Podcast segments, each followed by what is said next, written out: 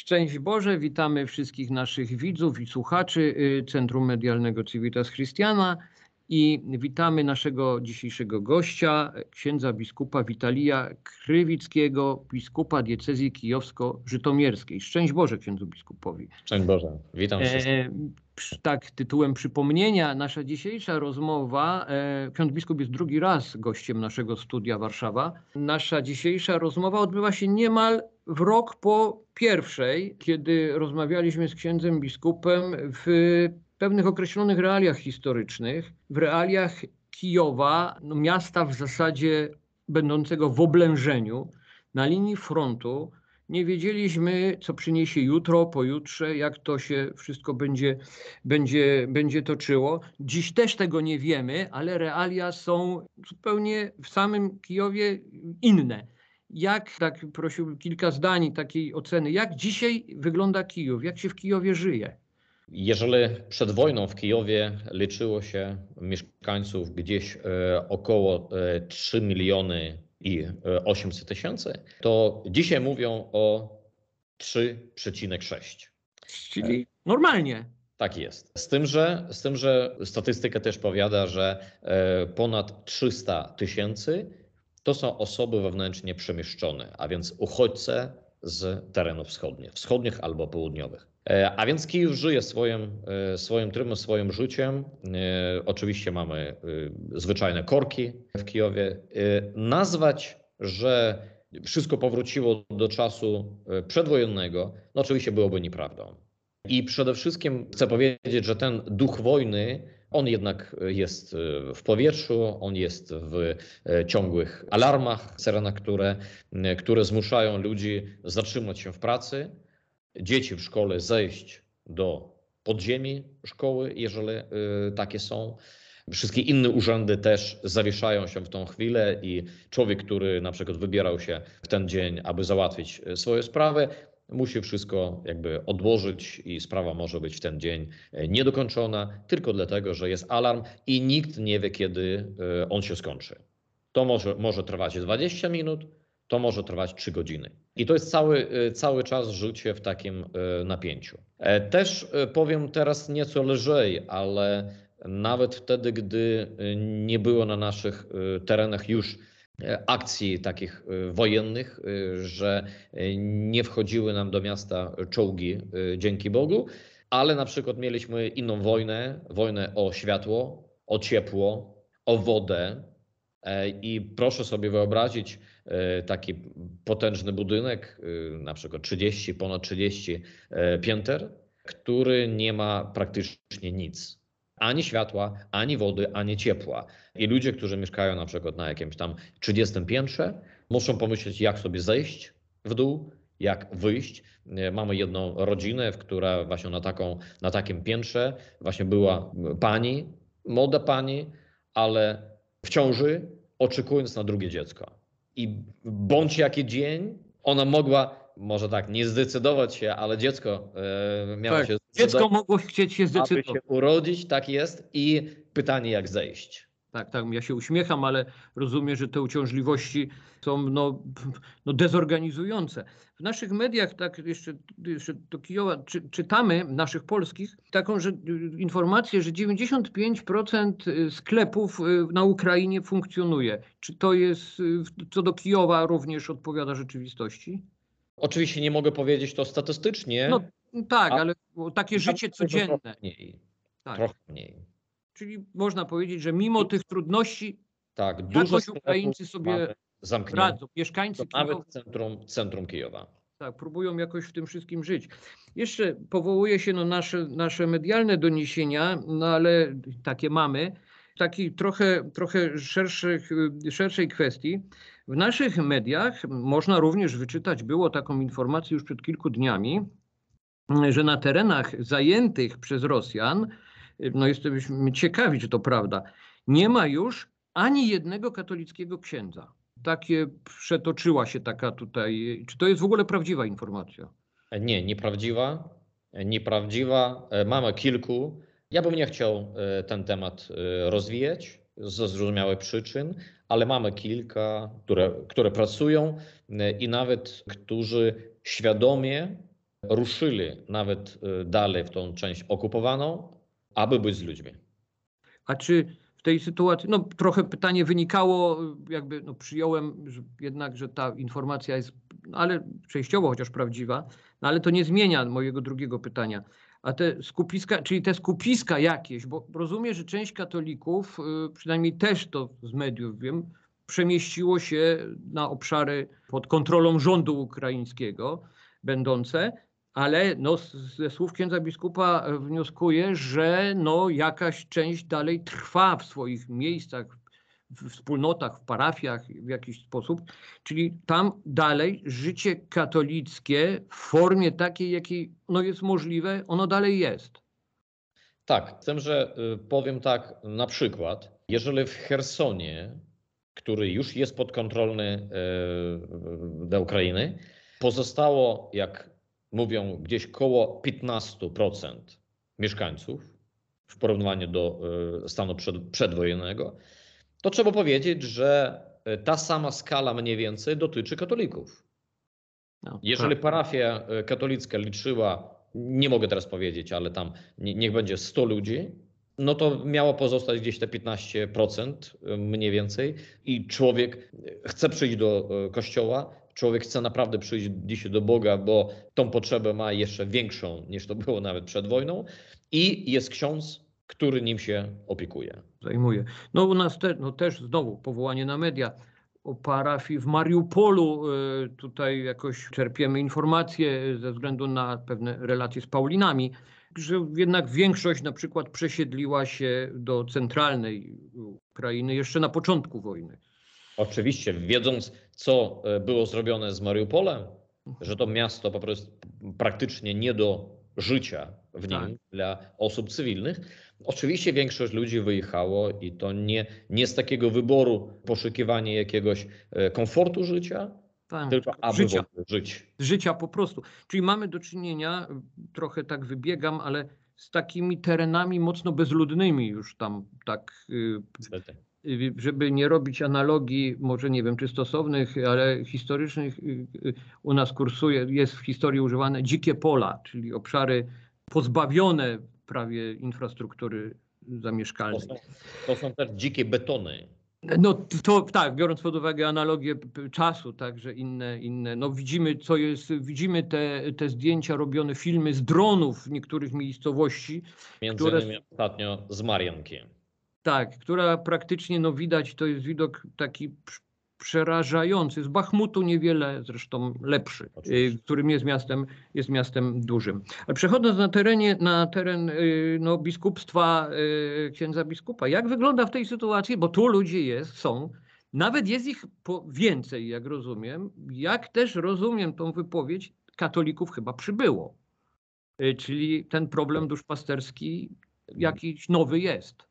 Tak. Y, dla sprawiedliwości trzeba powiedzieć, że jak przybyło, tak i ubyło. Aha, A więc no tak. mamy, mamy pewną, pewną taką wymianę ludzi, bo od samego początku wojny wiele ludzi z Kijowa oczywiście wyjechało za granicę.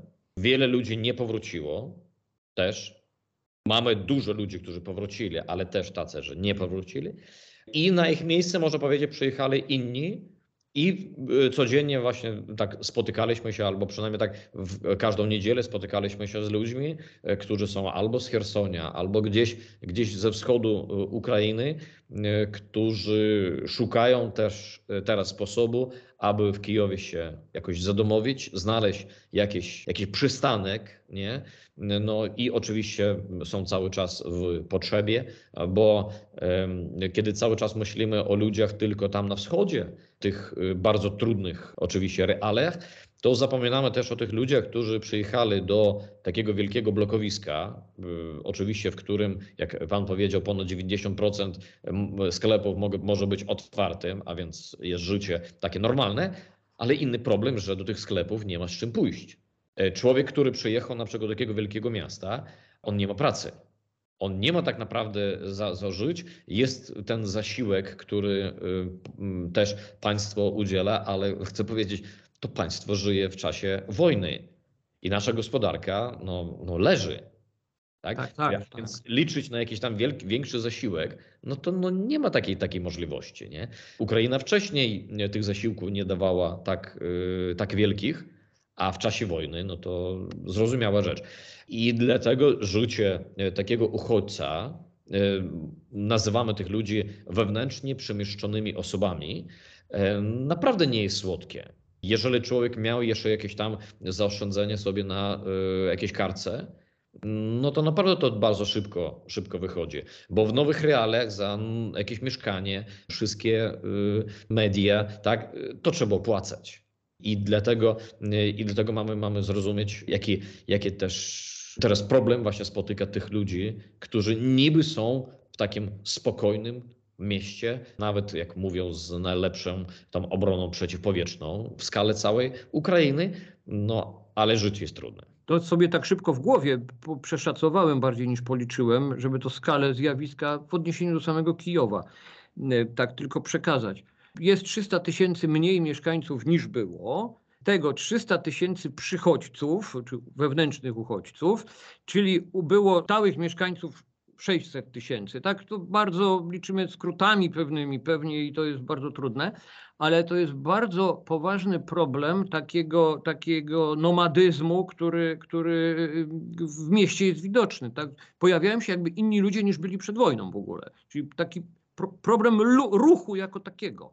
Wędrówki ludzi. Wędrówki, Dokładnie. tak, taki wędrówki ludów, tak. E, mówiąc o mieszkańcach Kijowa, e, chcę powiedzieć, to jest takie mieszkanie, e, to jest takie miasto, w którym nie da się policzyć wszystkich. Wiele ludzi jest niezameldowanych, ludzi, którzy przyjeżdżają na pracę, pracę sezonową. To są ludzie, którzy pracują w budowlance. W Kijowie bardzo dużo przed wojną się budowało i bardzo trudno zrozumieć, ile tak naprawdę było mieszkańców. Powiedziałem o cyfrze takiej oficjalnej Nieoficjalna jest o wiele, o wiele większa. Mhm.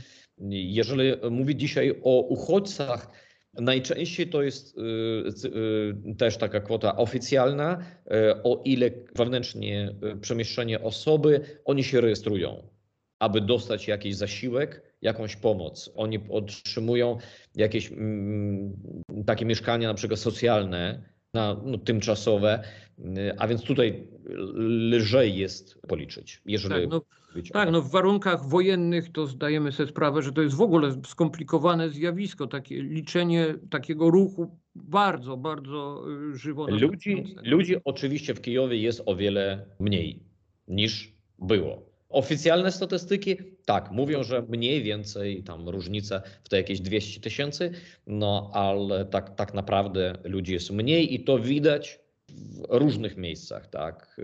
Czy w transporcie, czy w, na ulicach jednak korki są mniejsze niż były przed wojną.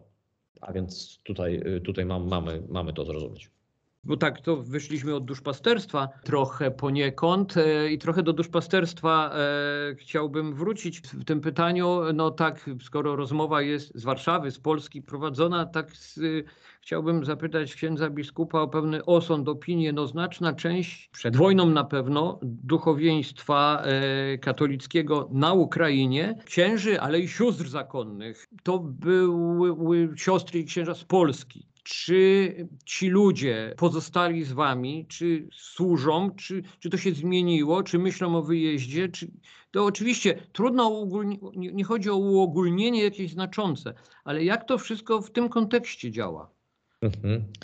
Jesteśmy bardzo wdzięczni e, dla wszystkich, którzy służą e, w Ukrainie i teraz ja podkreślam teraz e, oczywiście tych kapłanów, siostry zakonne, które przybyły do nas z zagranicy.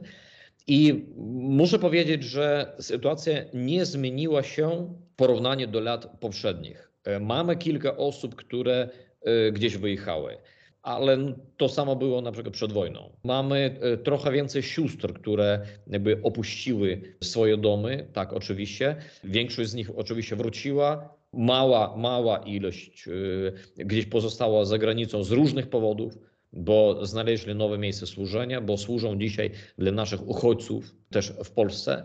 A więc ta zmiana, można powiedzieć, jest nieznacząca. Tak, o jakieś tam parę osób, można powiedzieć, jest mniej, ale to nieznaczące i tutaj jestem właśnie naprawdę bardzo wdzięczny dla tych bohaterów, którzy pozostali w Ukrainie, chociaż oczywiście mieli możliwość wyjechania e, jeszcze szybciej niż e, sami Ukraińcy.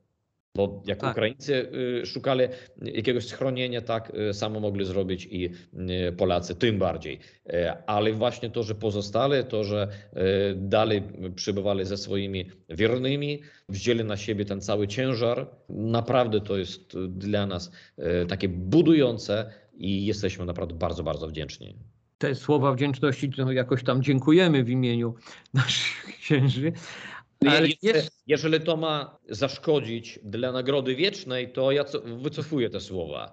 No, ale, ale mówią to, co weszło w media, to nie no, ginie.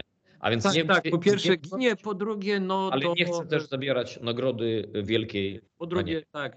Y, mnie, mnie rzecz nie dotyczy, więc y, mogę akurat trwać spokojnie w tej rozmowie. Natomiast tak jeszcze ostatnie może pytanie, taka prośba mm, podsumowująca może troszeczkę nasze dzisiejsze spotkanie. No rok temu też padło podobne pytanie z mojej strony. Jaki jest sytuacja taka psychiczna y, społeczeństwa po roku wojny? To jest, wtedy było po tam dwóch tygodniach tego życia w napięciu wojennym. Dziś mamy ponad rok sytuacja jest, ma prawo, ma, ma prawo społeczeństwo być zmęczone jako całość, ma prawo mieć dosyć wojny jako takiej.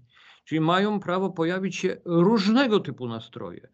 Czy ksiądz biskup pokusiłby się jakąś próbę no, delikatnej z konieczności, bo to pewnie trudno jakąś jednoznaczną wypowiedź, jak to tak naprawdę w społeczeństwie y, wygląda, y, ten rozkład tych postaw względem tego, co się dzieje. Tego zmęczenia, e, proszę pana, nie da się e, ukryć.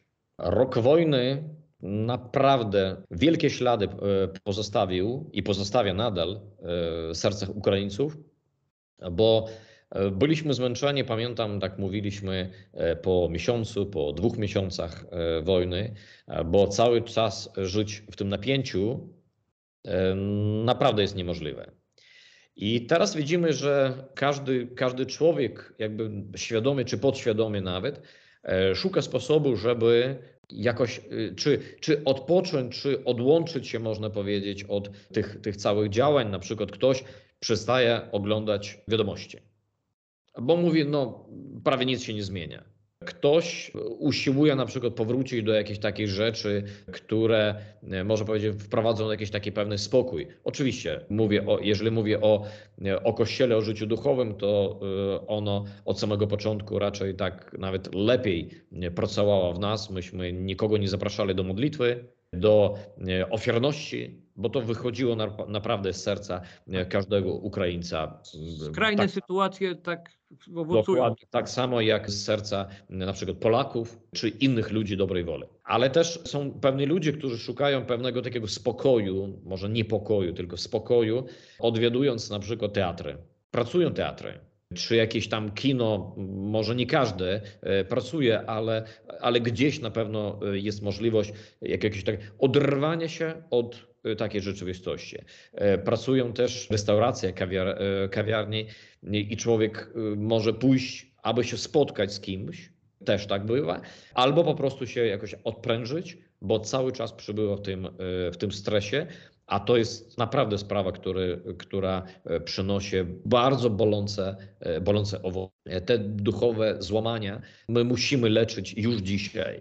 I jak mówiliśmy o duszpasterstwie, e, widzimy te, te zmiany wielkie. Ja powiedziałem, że jest mniej ludzi, inni przybyli do nas, ale na przykład takie pewne wspólnoty odczuwają, że są zmniejszone. W innym miejscu, gdzie prowadzi się większa robota taka duszpasterska, one się zwiększają. Są takie koła rodzinne, które y, łączą się. Mamy też takie koło rodzinne, na przykład w ruchu Światło Życia, które y, mają swoje spotkanie w swoim czasie, ale na przykład tam dwie rodziny łączą się w, w WhatsAppie albo w Skype'ie i y, za stołem siedzi wspólnota, nie wiem, tam 3-4 rodziny, a dwie w online. Oni razem się modlą, y, oczywiście herbatę każdy ma, y, na swoim stole, ale oni są razem, oni podtrzymują jeden drugiego w tych problemach, które mają ci w Ukrainie, a inni, dajmy na to, w Polsce, w, możliwe nawet w Stanach Zjednoczonych. I to jest, i to jest właśnie to są takie nasze reale. E, mówimy też o naszym duszpasterstwie i kiedy mówimy o tych e, trudnych pogrzebach, które mamy, ich nie można porównać z tymi, które były przed wojną. I po każdym takim pogrzebie, e, powiem tak, rodzina ma zaleczyć te swoje rany, znaleźć jakąś otuchę, ale chcę powiedzieć też na przykład o księżach, o osobach duchownych, którzy, którzy e, przygotowują i e, prowadzą na przykład ten pogrzeb. Księża też nie pozostają bez tych ran. A więc to są inne, inne całkiem, całkiem reale i człowiek szuka pewnej ucieczki. Ktoś jedzie na przykład, ja znam takie e, sytuacje, kiedy ktoś organizuje sobie jakieś tam dodatkowe, bardziej głębsze rekolekcje. Znam księży, którzy szukają sobie możliwość uciec gdzieś na taką pustelnię i mamy takie też y, klasztory, gdzie można się e, zamknąć. Każdy szuka jakichś, jakichś takich sposobów, żeby naprawdę dać rady w takim y, trudnym czasie. I nie zważając na to, że y, jak mówiłem, y, są otwarte restauracje, są otwarte jakieś pewne teatry, ale to właśnie staje się też takim miejscem, gdzie człowiek szuka jakiejś pewnej otuchy, pewnego, pewnego spokoju, oderwanie się przynajmniej od tej rzeczywistości, przynajmniej na jakiś tam krótki czas, na jakąś godzinę. Cóż, no, nie pozostaje nic innego jak życzyć, żeby ta rzeczywistość wróciła realnie i ta otucha nie wymagała aż takich poszukiwań takie polityczne y, dywagacje, takie korzystne nie są, ale miejmy nadzieję, że wbrew tej nadziei sytuacja wojenna szybko się zakończy. Nie pozostaje nic innego jak modlitwa, pomoc i modlitwa. Potem, tak jak w trakcie tej rozmowy, ale też z naszych mediów widać, no potem i tak będzie ogromna praca ktoś to wszystko będzie musiał odbudować. Jak sobie tutaj też nasze, nasze środowiska polityczne liczą, e, jak olbrzymie to będą musiały być nakłady na odbudowę poniesione. Czy uda się odbudować, e, ksiądz biskup o tym wspominał, tkankę społeczną w ogóle? No to jest w ogóle kolejne pytanie, to jest wszystko są wyzwania czasu przyszłego. Ja dziękuję za, za to dzisiejsze spotkanie po roku, y, że ksiądz biskup mimo tych, no, tej trudnej sytuacji y, y, znalazł te 25 minut dla nas. Wielkie Bóg zapłać wyrazy wdzięczności. Internet jest dalej dobry w Kijowie i to to... E, różnie to bywa, różnie to bywa, e, szczególnie w tych momentach, kiedy było wyłączane. Jak prądu nie ma, no to... prąd, a więc u mnie na przykład w Kurii czy gdzieś mógł być prąd, ale serwery, jakby tak nadawcy internetu Y, wszystkie stały, a więc nie było oczywiście, oczywiście połączenia. Ale nam się udało. Połączenia. Bez, dzięki, bez Bogu, nie, dzięki Bogu teraz ostatnio, ostatnie e, jakoś tak tygodnie mamy mniej więcej spokojnie. I ja by ze swojej strony też bardzo bym chciał e, podziękować za tą możliwość nawet e, wyjścia tak do, do eteru, też mówienia o tym, jak miałem możliwość podziękować, ale też chcę podkreślić szczególnie, chcę podziękować też za tą modlitwę, którą nie zważając na zmęczenie, też wierni w Polsce, tak w innych częściach świata, e, dalej za Ukrainę podnoszą. I e, chcę, chcę przypomnieć, nie, kiedy 25 marca zawierzyliśmy niepokolenemu sercu Maryi Rosję dla nawrócenia i Ukrainę, aby wystała, za tydzień już wojska radzieckie, przepraszam, rosyjskie, to jest to samo, odeszły z północy Ukrainy. Dzisiaj mamy podobną sytuację. Dzisiaj w kościele e, na czas Wielkiego Postu ogłosiliśmy tą wielką modlitwę o pokój e, i zachęcamy i wiele e, nas, z nas stanęło na taki, naprawdę taki post. Każdą środę i każdy piątek mamy post o chlebie i wodzie. Tak jak dzisiaj na przykład. To jest modlitwa i post. I nawet ostatnio y, też y, ogłaszaliśmy, prosiliśmy o modlitwę za y, naszych obrońców w Bachmucie. Już dzisiaj widzimy, widzimy pewne, pewne kroki też w tej, w tej, w tej obronie i wiemy, że jak dużo jest naprawdę ofiar. Bardzo dużo ofiar jest też z naszej strony. Tak też Bóg pokazuje też wielkie cuda, naprawdę wielkie znaki i mamy o tym świadczyć. Mamy dawać to świadectwo i serdecznie dziękuję, że mam możliwość to, to robić. Już miałem się nie odzywać, ale to są ważne słowa, bo Pan nasz Jezus Chrystus mówił, że e, niektóre rzeczy tylko przez post i modlitwę, myśmy o niektórych zapomnieli, musimy sobie na nowo przypomnieć. Chyba to wskazanie duszpasterskie chyba najważniejsze. Bardzo dziękujemy. Wielkie podziękowania i szczęść Boże. Z Panem Bogiem. Szczęść Boże.